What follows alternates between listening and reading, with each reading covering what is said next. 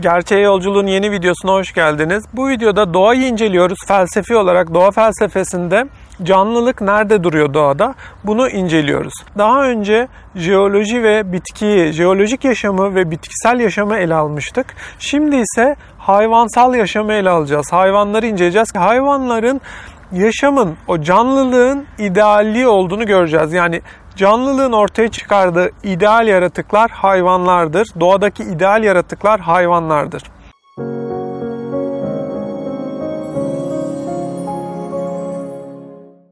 Dediğimiz gibi daha önce bitkileri incelemiştik. Bitkilerde bireysellik ortaya çıkmamıştı. Bitkiler bir bütünün parçaları gibi vardılar. Ama hayvanda artık bireysel bir beden ve bireysellik ortaya çıkıyor. Hayvan ilk önce bireyselliğini sesiyle ifade ediyor. Yani uluyarak, üreyerek ya da ses çıkararak kendi bireyselliğini doğada hayvan ifade ediyor.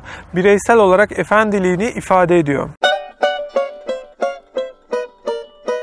Doğada daha önce de ses vardı. Yani doğada ses çıkıyordu ama bu ses pasif bir sesti. Cisimlere, maddelere, metallere vurduğumuz zaman ses çıkarabiliyorduk. Ama bu ses kendiliğinden, hayvanlarda olduğu gibi kendiliğinden çıkan bir ses değildi. Dışarıdan bir etkinin sonucu ortaya çıkan sesti, maddenin sesi. Hayvan ise kendisi dediğimiz gibi bir ses üretir.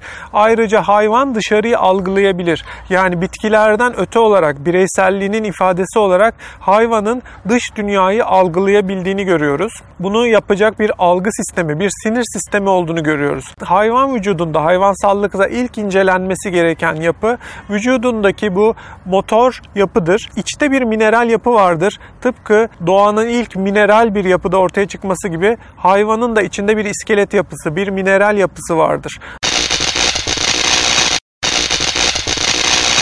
Daha sonrasında bunu bir kas yapısı, kas dokusu kaplar, kas dokusu hareketini sağlar ve motor ve duyusal sinirler olmak üzere soyut olarak o varlığının en gelişkin ifadesini sinir sisteminde hayvanlar algı sisteminde bulacaklardır. Daha sonrasında hayvanların sindirim sistemleri hayvansallığın aslında kendisini dünyada var ettiği ve dünyada kendisini gösterdiği artık sadece algılamaktan öte dünyayı yediği, içtiği, dönüştürdüğü, tükettiği aşama o sindirim sistemiyle karşımıza çıkıyor. İç organların yapısıyla hayvansallıkta karşımıza çıkıyor. Ve daha önce de bahsettiğimiz gibi hayvan koklayarak, yiyerek, içerek, görerek çevresindeki maddeleri tüketiyor ve çevresine karşı efendiliğini artık canlılığın efendiliğini ifade ediyor hayvan. Ve bunu da zaten sesiyle uluyarak üreyerek, ses çıkararak, öterek bunu bütün dünyaya da ilan ediyor. Hayvanın en tepesinde, hayvansallığın en tepesinde ise cins, cinsler yer alıyor. Yani cinslerin oluşumu, cinsellik, cinsel eşeysel üreme hayvanlığın kendisini yenileyerek ve tekrar daha iyi bir şekilde yeniden ürettiği bir aşamanın adıdır. Cinsler konusunda tabii daha önce pek çok çalışma yapılmıştır. Aristoteles hayvanları kanlarına göre ayırıyordu. Yani kanlarının beyaz ya da kırmızı olmasına göre ayırıyordu. Daha sonrasında Lamarck da hayvanları omurgalı ve omurgasızlar olarak ayırmıştı. Aslında bu ikisinin paralel olduğunu görebiliyoruz. Çünkü omurgalılarda kırmızı kanı görüyoruz. Omurgasızlarda ise lenf benzeri beyaz ya da renksiz bir kan yapısını görüyoruz. Bu yüzden omurgalı omurgasız ayrımı aslında Aristoteles'in hayvanlara uyguladığı ayrıma paraleldir. Yine Darwin'in hayvanların evrimsel olarak çeşitliliğini açıklayan ve birbirine bağlayan, o çeşitliliğin gelişiminin mekanizmasını anlatan çalışmaları değerlidir. Darwin'in evrimsel açıklamaları hayvanların genetik yapısı üzerine ve genetik seçilim üzerine bize bilgi sağlamaktadır. Ancak tabi burada şunu da belirtelim. Hayvanların birbirinden türemesi felsefi olarak hayvanları sınıflandırmada bize çok fazla bir fayda sağlamıyor. Yani her şeyi akılsız bir rastlantısal bir seçilim sürecine indirgemek bugün Darwincilerin yaptığı gibi çok fazla açıklayıcılığı olan bir yaklaşım değil. Yani evrimin kendisi açıklayıcıyken evrimciliğin kendisi pek bilimsel olarak bir açıklayıcılık barındırmıyor. Daha ideolojik bir yaklaşım olarak karşımıza çıkıyor ki onu bir evrim videosunda ele almıştık. Oradan inceleyebilirsiniz. Çünkü canlıların, bitkilerin ve hayvanların ve hayvansal türlerin, cinslerin birbiriyle ilişkisini felsefi olarak, düşünsel olarak ele almaktan ziyade maddi olarak ele almaya çalışıp çok fazla bir açıklama getiremiyor evrimcilik günümüzde.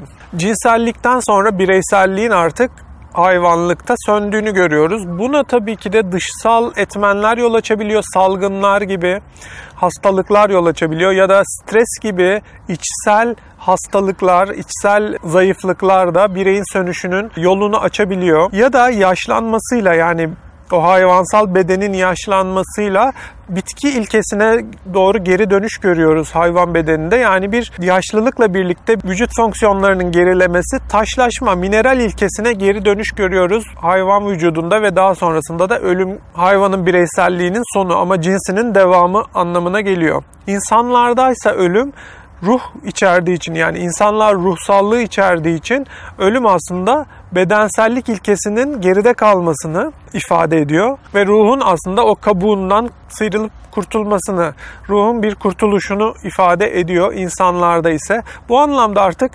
doğadan sonrasına gel geçmiş oluyoruz. Farkındaysanız doğa ötesine geçmeye başlıyoruz ki bu da ruh kavramıdır. Ruh kavramıyla birlikte insanlığın ortaya çıkışıyla birlikte artık felsefi olarak doğa aşamasını geride bırakmış olacağız. Bunu bir sonraki ruh videosunda inceleyebilirsiniz ve insanlık videosunda inceleyebilirsiniz. İnsanlık kavramlarını bundan sonra doğa aşamasını kapatarak insanlıkta ele alacağız. Bu yapıyı aşağıdan felsefe şemasından inceleyebilirsiniz. Doğa nerede duruyor, canlılık, hayvan nerede duruyor ve insan nerede duruyor? Şemada bu kavramları lütfen ilişkilerini inceleyin. Ayrıca bu videoyu beğendiyseniz sosyal medyanızda paylaşarak bana destek olabilirsiniz. Bir sonraki videoda, insanlık videosunda görüşmek üzere. Şimdilik hoşçakalın.